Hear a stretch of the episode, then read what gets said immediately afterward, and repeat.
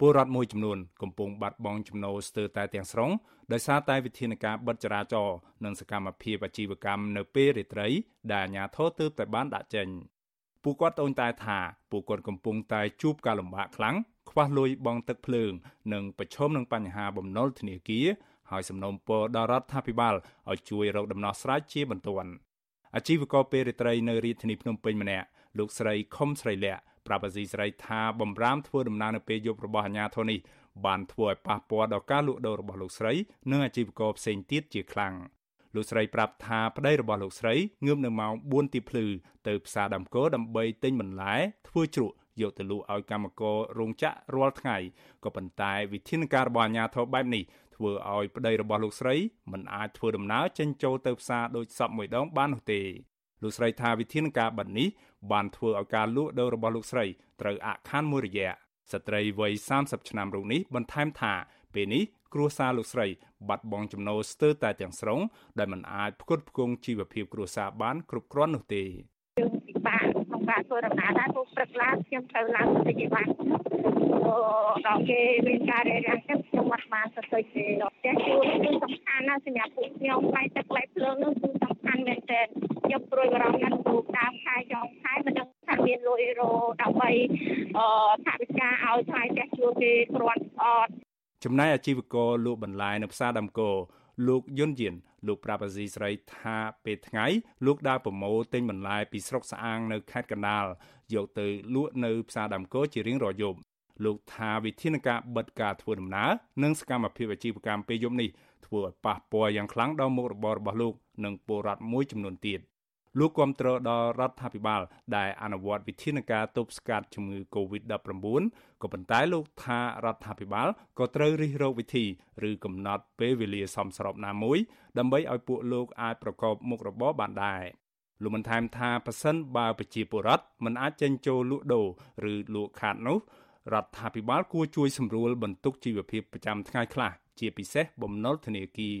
ព្រោះវាបើបើបាក់រងថាដល់ផ្សារឆ្ងាត់ជ្រាបអត់មានលុយពេញហើយចំណាវាព្រមកាត់អីហើយរៀបចូលលមកចូលអីហើយទៅដល់ខ្លះប៉ះលមកតែលមកខូចចាំមកខូចចេញពីដាល់ទៅមកខូចអាបានលក់បងហ្នឹងវាបិទម៉ោង8បើពើនេះឡៃឡុង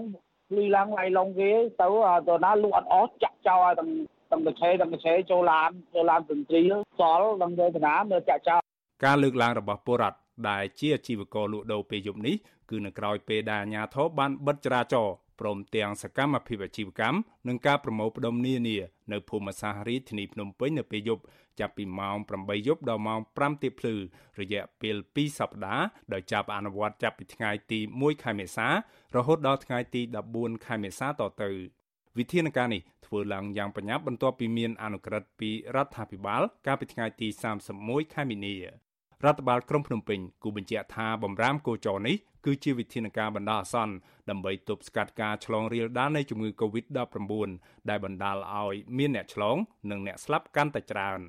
អាស៊ីស្រីមិនអាចតាក់ទងអភិបាលរាជធានីភ្នំពេញលោកខួងស្រេងនិងអ្នកនាំពាក្យរដ្ឋាភិបាលលោកផៃសិផានដើម្បីឆ្លើយតបទៅនឹងទុកកង្វល់របស់ពលរដ្ឋបាននៅឡើយទេនៅថ្ងៃទី2ខែមេសាដោយទូរស័ព្ទហៅចូលច្រានដងតែពុំមានអ្នកទទួលតាក់ទងទៅនឹងវិធានការថ្មីរបស់អាជ្ញាធរនេះប្រធានអង្គការដំឡាភិបកម្ពុជា លោកពេជ្រពិសីមានប្រសាសន៍ថាអង្គការសង្គមស៊ីវិល ព្រួយបារម្ភអំពីផលប៉ះពាល់ជាអវិជ្ជមានដល់ប្រជាពលរដ្ឋខ្មែរជាពិសេសអ្នកមានមុខរបរតូចតាចដែលពួកគាត់ត្រូវពឹងផ្អែកលើប្រាក់ចំណូលប្រចាំថ្ងៃដើម្បីផ្គត់ផ្គង់គ្រួសារលោកថាវិធានការបិទទាំងស្រុងរបស់អាជ្ញាធរនេះមួយផ្នែកគឺជារឿងល្អដើម្បីទប់ស្កាត់ជំងឺ Covid-19 ក៏ប៉ុន្តែមួយផ្នែកទៀតធ្វើឲ្យប៉ះពាល់ដល់ចរន្តសេដ្ឋកិច្ចសង្គមដែលអាជ្ញាធរគួរតែពិនិត្យមើលឡើងវិញជាមួយគ្នានេះ មន្ត្រីសង្គមស៊ីវិលរូបនេះទទូចដល់រដ្ឋាភិបាលឲ្យជួយឧបត្ថម្ភប្រាក់មួយចំនួនដល់អ្នកប្រកបមុខរបរខ្នាតតូចនិងមធ្យមដើម្បីឲ្យពួកគាត់អាចបន្តមុខរបរនេះនិងមានលទ្ធភាពដោះស្រាយផលប៉ះពាល់នានាប្រជាពលរដ្ឋដែលគាត់រកស៊ីលក់បន្លែលក់ផ្លែឈើហើយជាពិសេសគឺបងប្អូនដែលផ្គត់ផ្គង់គ្រឿងឧបភោគបរិភោគនៅផ្សារដើមកើគាត់នឹងអាចប៉ះពាល់ខ្លាំង គេអត់បិទការលក់ទេប៉ុន្តែយើងដឹងហើយគាត់បិទការធ្វើដំណើរចេញចូលក្រុងពីម៉ោង8ហើយបងប្អូន